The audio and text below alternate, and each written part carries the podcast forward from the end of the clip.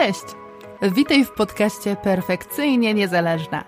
Podcaście dla ambitnych kobiet, które chcą sięgać po więcej, chcą spełniać swoje marzenia i prowadzić życie na własnych zasadach.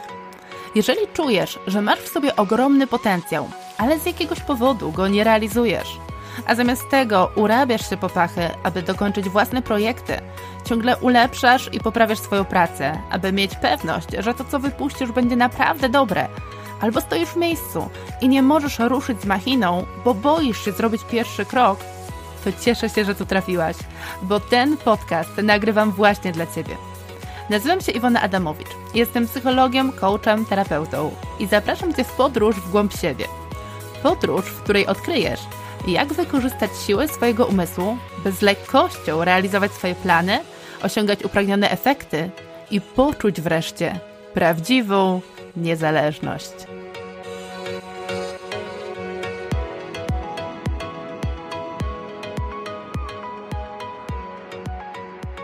Cześć, witaj w kolejnym odcinku. Dzisiaj porozmawiamy o tym, skąd się bierze niskie poczucie własnej wartości. Dlaczego tak jest, że niektórzy mają zaniżoną samoocenę, a inni nie? Co na to wpływa? Jakie czynniki to powodują. Dzisiaj porozmawiamy właśnie o tym i od razu na wstępie chciałabym powiedzieć, że będę dzisiaj używała zamiennie słów samoocena i poczucie własnej wartości, e, bo tak jak wyjaśniłam w poprzednim odcinku, trudno jest znaleźć słowo, które ujmie zarówno aspekt ten nasz rozumowy, jak i emocjonalny, więc będę używała ich po prostu zamiennie. Mówię o tym, żebyś się nie zdziwiła, natomiast zachęcam Cię oczywiście do tego, żebyś wysłuchała najpierw poprzedni odcinek podcastu, w którym mówiłam innymi o tym, czym w ogóle jest poczucie własnej wartości, no a dzisiaj się przyjrzymy temu, skąd to się bierze, że to poczucie własnej wartości jest zaniżone. I to, co warto powiedzieć też na początku, to to, że szacuje się, że około 90% ludzi na świecie ma obniżoną samoocenę. Co to oznacza? Oznacza to, że większość ludzi albo miało kiedykolwiek problemy z zaniżoną samooceną, albo nadal je ma. I ponieważ poczucie własnej wartości to nie jest coś trwałego, coś, co e, nie zmienia się w ciągu życia, coś, co zostaje nam dane raz, na zawsze i tylko tyle, tylko coś, co po prostu e, może się zmieniać, no to te szacunki mogą też się co chwilę zmieniać. No i mówię tutaj o tym, że poczucie własnej wartości to nie jest coś trwałego, ale chciałabym, żebyśmy pamiętały, że właśnie poczucie czyli to uczucie, że nie jesteśmy wartościowi, nie jest czymś trwałym, o czym mówiłam więcej właśnie w poprzednim odcinku. No ale sama nasza wartość, to, że jesteśmy wartością, to jest coś, co jest trwałe.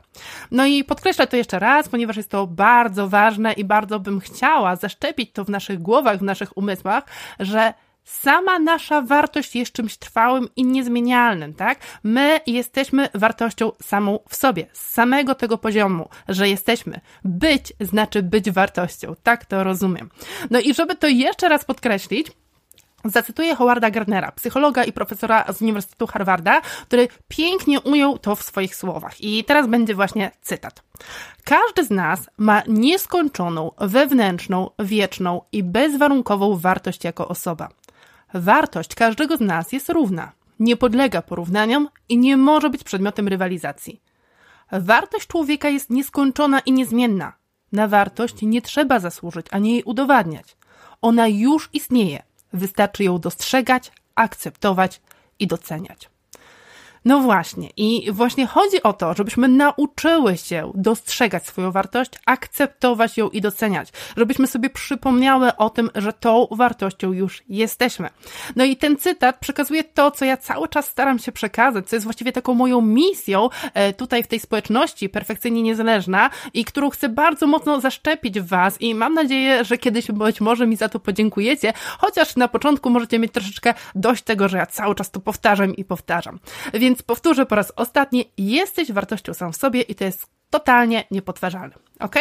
No dobra, wartością jesteśmy, ale jak to się stało, że być może ty nie czujesz tego, że jesteś wartością? Jeżeli masz zaniżoną samoocenę, jeżeli masz zaniżone poczucie własnej wartości, to możesz właśnie mieć e, takie uczucie, że hmm, to mnie nie dotyczy, ja być może wcale nie jestem wartościowa, tak? Jak to się stało, że ty siebie tak oceniasz, że twoje poczucie własnej wartości się obniżyło? Na te pytania będziemy chciały sobie dzisiaj odpowiedzieć. No i przyczyną tego obniżenia są po prostu nasze przekonania. Przekonania, które zaszczepiły się w naszej głowie na pewnym etapie życia.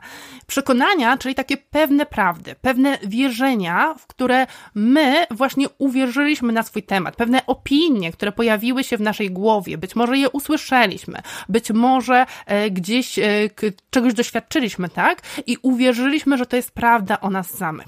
Jeżeli mówimy o zaniżonym poczuciu własnej wartości, no to oczywiście są to ograniczające przekonania. Przekonania, które w jakiś sposób negują tą naszą wartość, w jakiś sposób nam ją odbierają. Natomiast problem polega na tym, że my tak mocno wierzymy w te przekonania, że trudno nam nawet czasami przyjąć, że mogłoby być inaczej że prawda o nas wcale nie jest tą prawdą. I to mogą być przekonania, które z jednej strony mogą dotyczyć naszego wyglądu, naszych zdolności, naszej inteligencji, zasługiwania na coś życiu. Mogą to być przekonania, które y, mówią o tym, do czego mamy prawo lub co nam się należy, ale też na temat tego, gdzie pasujemy, na co możemy sobie w życiu pozwolić. Mogą one dotykać bardzo różnych sfer naszego życia, bardzo różnych obszarów, natomiast nie będę tego dzisiaj rozwijać, ponieważ o obszarach tematach samooceny porozmawiamy sobie w jednym z kolejnych odcinków i poświęcimy temu cały odcinek. Więc wtedy to na pewno rozwiniemy. Teraz odpowiedzmy sobie na pytanie, skąd się w takim razie biorą w nas te ograniczające przekonania? Dlaczego my uwierzyliśmy, że tacy jesteśmy i uwierzyliśmy w tę prawdę na nasz temat, tak? W jaki sposób one się zaszczepiły w naszej głowie? Przekonania, które pojawiają się w naszej głowie, e, pojawiają się w niej przede wszystkim przez nasze doświadczenia. Doświadczenia związane z tym, co widzieliśmy, co słyszeliśmy lub w czym być może uczestniczyliśmy.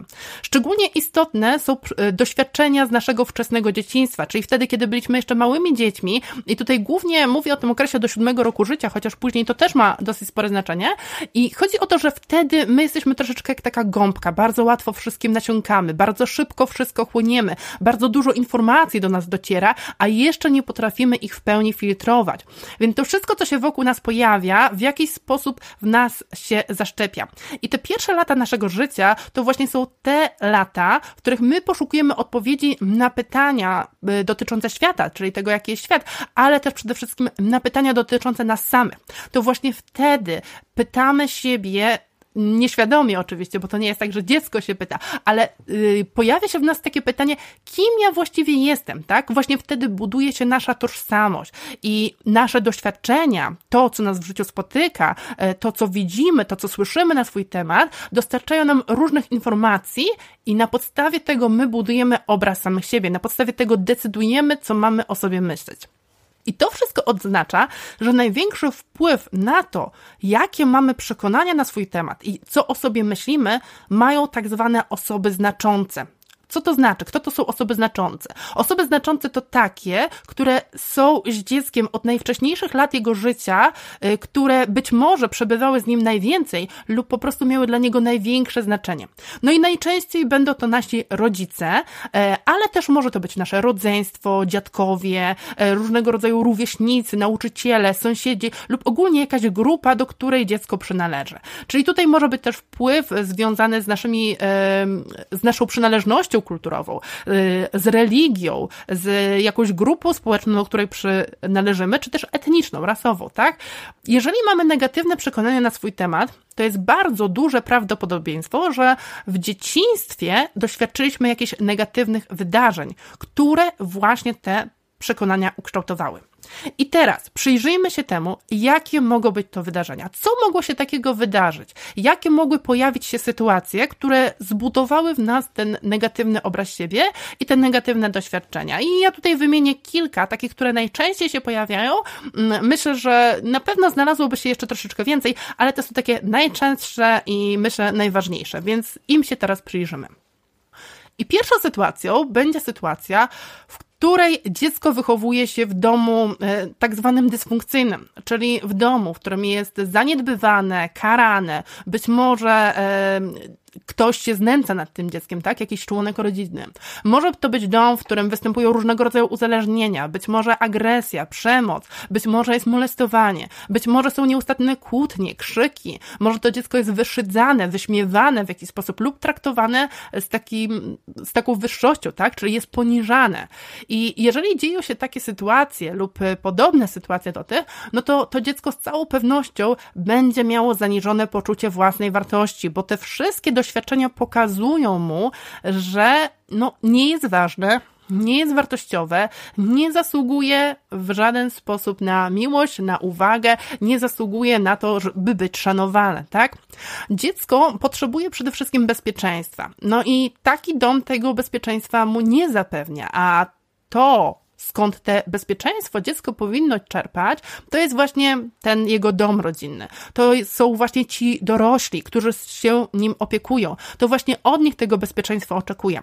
Jeżeli tego bezpieczeństwa nie ma, za to jest ciągła taka nieprzewidywalność, strach, różnego rodzaju kary, cierpienie, to cały paradoks polega na tym, że dziecko będzie to brało na siebie. Ono będzie odczuwało, że to jest jego wina. Nie ma jeszcze na tyle rozwiniętego myślenia krytycznego, by powiedzieć, że to rodzic źle się zachowuje że to on coś robi nie tak. Za to będzie to brało na siebie, będzie miało takie uczucie, że to wszystko, co się dzieje, to jest właśnie jego wina, że to ono w jakiś sposób się do tego przyczyniło, że to, że rodzice traktują go w taki, a nie inny sposób, to jest właśnie przez niego, bo być może jest po prostu złym dzieckiem.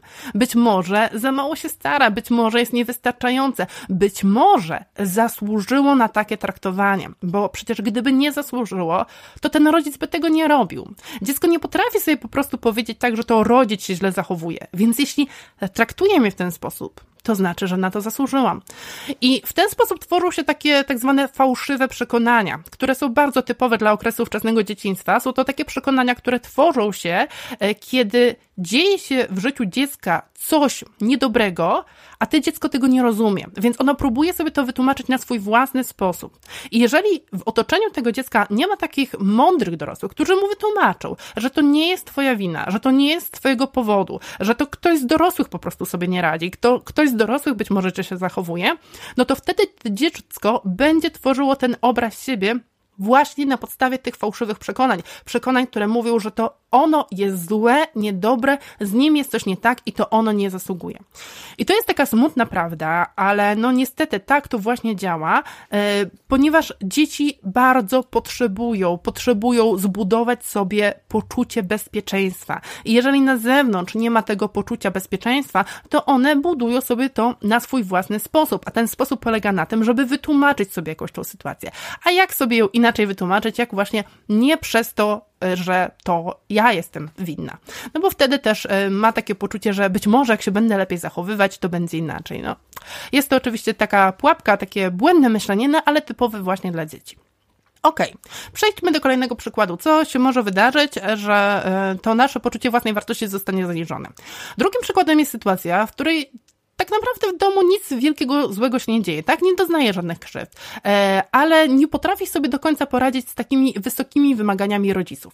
I to jest taki przykład, który omawiałam już w odcinku Skąd się bierze perfekcjonizm, dlatego ja tutaj nie będę go bardzo mocno rozwijać. Odsyłam do tego odcinka, jeżeli jeszcze nie słuchałaś, to zapraszam Cię do tego, byś posłuchała, zobaczyła. E, natomiast dzisiaj bardzo krótko o tym opowiem.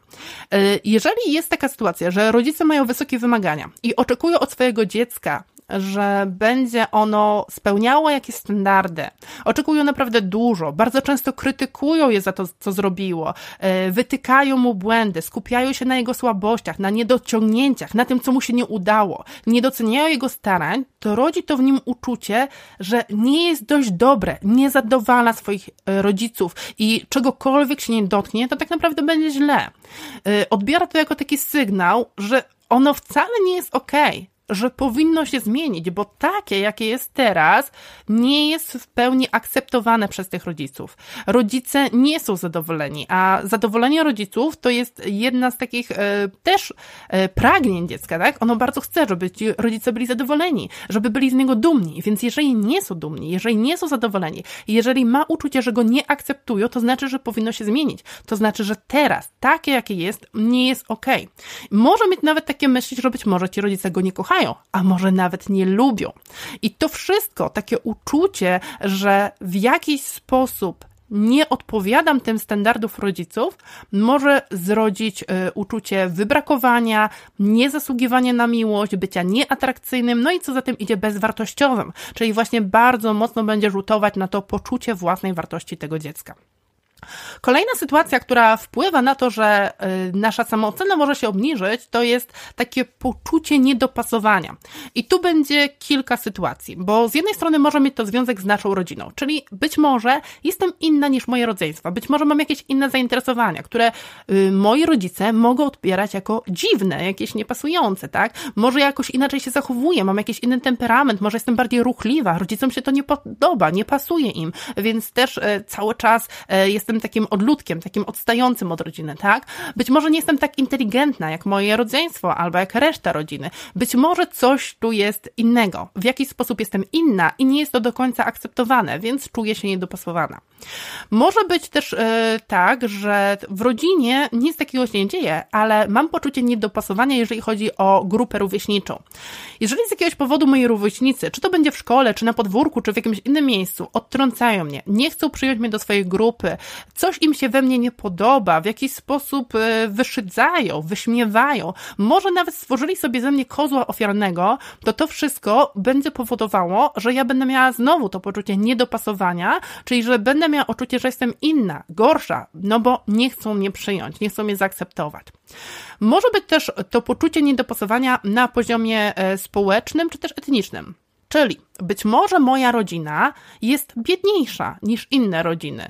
Y, być może mieszkamy w jakiejś gorszej dzielnicy, tak? Nie mam takich fajnych ciuchów jak inni, takich fajnych gadżetów i tym podobne.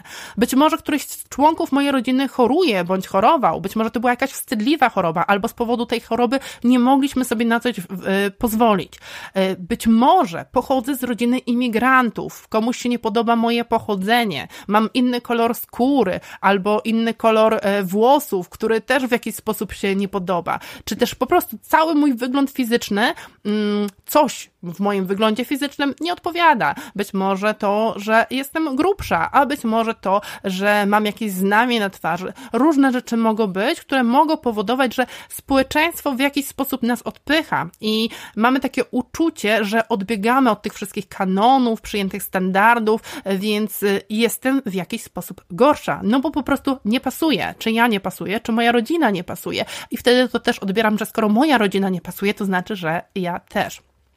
No i ostatni e, przykład, o którym chciałabym powiedzieć, związany z tym, że nasze poczucie własnej wartości może być zaniżone, może się wydawać dość zaskakujące, dlatego że to jest przykład, który pokazuje taką sytuację, która z pozoru wydaje się bardzo w porządku. Nawet można by było powiedzieć, że to jest e, sytuacja bardzo wspierająca. Sytuacja, w której w rodzinie niby wszystko jest ok, e, dookoła się mówi, że to dziecko pochodzi z dobrego domu, że wszystko ma, czego mu potrzeba, więc w sumie czego chcieć więcej, a jednak samoocena tego dziecka zostaje e, jakoś nadszarpnięta. No i dlaczego się mogło tak stać? Między innymi dlatego, że może się okazać, że w tym domu brakuje dobrych doświadczeń lub lub po prostu obecności tych znaczących osób, czyli być może właśnie tych rodziców. I to może być taka sytuacja, w której rodzice bardzo dużo pracują i przez to nie mają czasu dla dzieci, bardzo mało tego czasu spędzają z dziećmi, nie rozmawiają z nimi, nie widzą, e, co się dzieje w ich życiu, nie angażują się w ich życie. I czasami jest tak, że e, z tego powodu próbują nadrobić poprzez kupywanie różnego rodzaju prezentów, wycieczek i tym podobne i wydaje im się, że wszystko jest w porządku. No ale niestety nie jest, ponieważ potrzeby tego dziecka dziecka związane z więzią z tymi rodzicami nie są zaspokojone. Inna sytuacja, która tu się może pojawić, jest taka, że rodzice mogą mieć jakieś kłopoty i te ich myśli, emocje, które są związane z tymi kłopotami, bardzo mocno e, gdzieś pojawiają się w ich głowie non-stop, tak? Oni cały czas o tym myślą. Z tego też względu nie mają przestrzeni na to, by być dzieckiem, nie mają w sobie tej energii, e, nie potrafią się odłączyć od tych problemów, od tych kłopotów i też mogą przez to reagować bardziej emocjonalnie na niektóre rzeczy. Czyli wyobraźmy sobie taką sytuację, sytuację, że być może e, dziecko rozlało wodę, natomiast mama jest już tak zestresowana i tak zmęczona przez swoje kłopoty, e, emocjonalnie nie daje sobie rady i wtedy bardzo gwałtownie reaguje na to, że dziecko wylało tu wodę. I chociaż to jest kompletnie nieadekwatna reakcja tej mamy na to, co się wydarzyło, no to w tym dziecku znowu na zasadzie tego fałszywego przekonania może się zrodzić przekonanie, że mama na mnie krzyczy, bo na to zasłużyłam, bo to naprawdę wydarzyło się coś ważnego, zrobiłam coś naprawdę niedobrego i jestem złym dzieckiem. I takie coś może się pojawić. I tutaj znowu, jeżeli temu dziecku nie zostanie to wytłumaczone, ono może z tym fałszywym przekonaniem pozostać przez bardzo długi czas i z nim dalej żyć, również jako osoba dorosła. Inna sytuacja, która się może pojawić, to też taka, kiedy rodzice się między sobą nie dogadują, coś nie wychodzi między nimi, tak? Ten związek ich jakoś ulega e, pogorszeniu, być może nawet decydują się na rozwód, no i w międzyczasie pomijają swoje dzieci. Te dzieci widzą, że coś się dzieje, ale kompletnie nie są informowane o tym, co się dzieje, są pomijane, są zepchnięte na dalszy plan i po prostu mają się przystosować do tej sytuacji, która jest. I jeżeli taka sytuacja się pojawia, to to dziecko może mieć nawet takie odczucie, że to moja wina, że rodzice się rozstali, że to przeze mnie, że to ja coś zrobiłam nie tak, że powiedzmy tata odszedł, e, albo że mama odeszła. Więc tutaj też bardzo mocno może wziąć to na siebie, no i wtedy mieć też takie poczucie, że ja jestem zła, jestem aż tak zła, że aż rozbiłam związek moich rodziców. E, jeszcze jedna sytuacja, która mm, pojawia się e, tutaj, jest związana z tym, że rodzice po prostu nie zaspokajają potrzeb dziecka. I chodzi o taką sytuację, w której jest dom, w którym niby też wszystko normalnie funkcjonuje, ale tak naprawdę w tym domu nie ma e, czegoś takiego jak okazywanie sobie czułości, przytulanie się, spędzanie razem czasu, takiego intymnego czasu. Rodzice nie mówią dziecku, że je kochają, czyli dbają o te wszystkie potrzeby takie czysto fizjologiczne, o to, żeby dziecko miało co zjeść, żeby miało ciepło, żeby było ubrane i tym podobne. Natomiast wszelkie te potrzeby psychologiczne nie są zaspokojone. I to może z jednej strony wynikać z tego, że być może mają takie przekonania, że dzieci trzeba bardzo e, chłodno wychowywać i sami są tacy bardzo chłodni emocjonalnie, a z drugiej strony może być też z tego względu, że po prostu nie mają świadomości, czego te dzieci potrzebują. No i mogą się zachowywać w taki sposób, bo im się wydaje, że to wystarcza, że oni mają się tylko i wyłącznie zaopiekować. No ale wtedy właśnie są takimi bardziej opiekunami, a nie rodzicami i też nie buduje się tej więzi. To dziecko nie uczy się tego, że można kogoś kochać, można kogoś przytulać, można mieć właśnie takie dobre doświadczenia związane z relacjami, takie bardziej intymne. Jeżeli tego wszystkiego dziecko nie ma, no to może mieć w sobie uczucie, że tak naprawdę nikt się mną nie interesuje. Nie jestem ważny, no bo skoro nie zwracają na mnie uwagi, skoro w jakiś sposób mnie odsuwają, odpychają, nie mają dla mnie czasu, e, albo właśnie nie przytulają mnie, no to widocznie nie jestem ważny. No i to będzie bardzo mocno rzutować na to jego poczucie własnej wartości. I to, co możesz zrobić w tym momencie, kiedy opowiedziałam o tych różnych sytuacjach, to zastanowić się, czy któraś z tych sytuacji być może pasuje do ciebie. I to nie musi pasować w całości, być może jest jakiś fragment, być może dostrzegasz w tych e, sytuacjach jakieś elementy wspólne z twoją historią. E, jeżeli taki jest, to warto jest, byś sobie to zanotowała, byś zobaczyła, no i zastanowiła się, jak to na ciebie wpłynęło, jak to wpłynęło na twoje poczucie własnej wartości i jak to teraz wygląda u ciebie. Myślę, że to będzie też dla ciebie taki ważny wgląd, e, który pomoże ci być może zrozumieć, co się z tobą dzieje i dlaczego tak się dzieje. I mówiłam o tym, że większość tych negatywnych doświadczeń, które e, wpływają na nasze poczucie własnej wartości, związane są z naszym wczesnym dzieciństwem, czy też takim okresem, kiedy jesteśmy nastolatkami. Ale chciałabym zaznaczyć tu jeszcze jedną ważną rzecz, że tak naprawdę doświadczenia wpływają na nas przez całe nasze życie, czyli te doświadczenia, które pojawiają się w naszym dalszym życiu, również w tym życiu dorosłym, też mają duże znaczenie dla naszych przekonań. Tylko problem polega na tym, że bardzo często doświadczenia, które mamy w późniejszym czasie, one mają za zadanie przede wszystkim potwierdzić te przekonania, które już mamy. To jest taka pułapka, że w dzieciństwie stworzyliśmy sobie pewne przekonania na swój temat, stworzyliśmy pewien swój obraz. No i w późniejszym czasie nieświadomie próbujemy ciągle potwierdzać te przekonania. To wynika z faktu, że po prostu czujemy się dobrze w tym, co znane i nie chcemy tego być może celowo, ale w sposób nieświadomy zachowujemy się właśnie tak, by te nasze przekonania potwierdzać.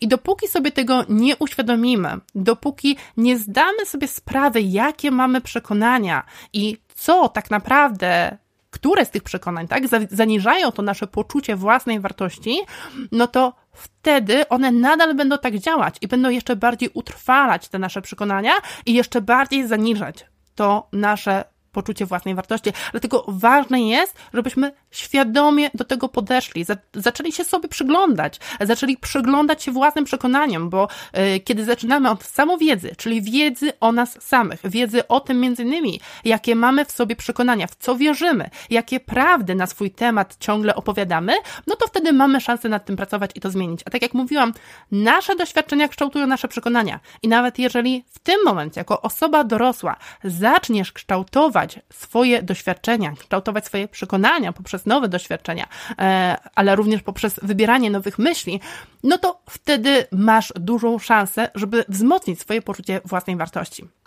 Największym błędem, jaki można popełnić, jeżeli chodzi o poczucie własnej wartości, tak naprawdę jest uleganie tak zwanemu determinizmowi, czyli takiemu przekonaniu, że albo masz wysoką samoocenę, albo nie.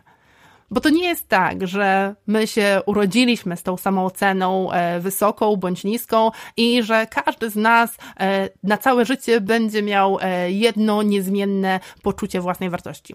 Tak jak wcześniej mówiłam, to, co jest niezmienne, to Twoja wartość.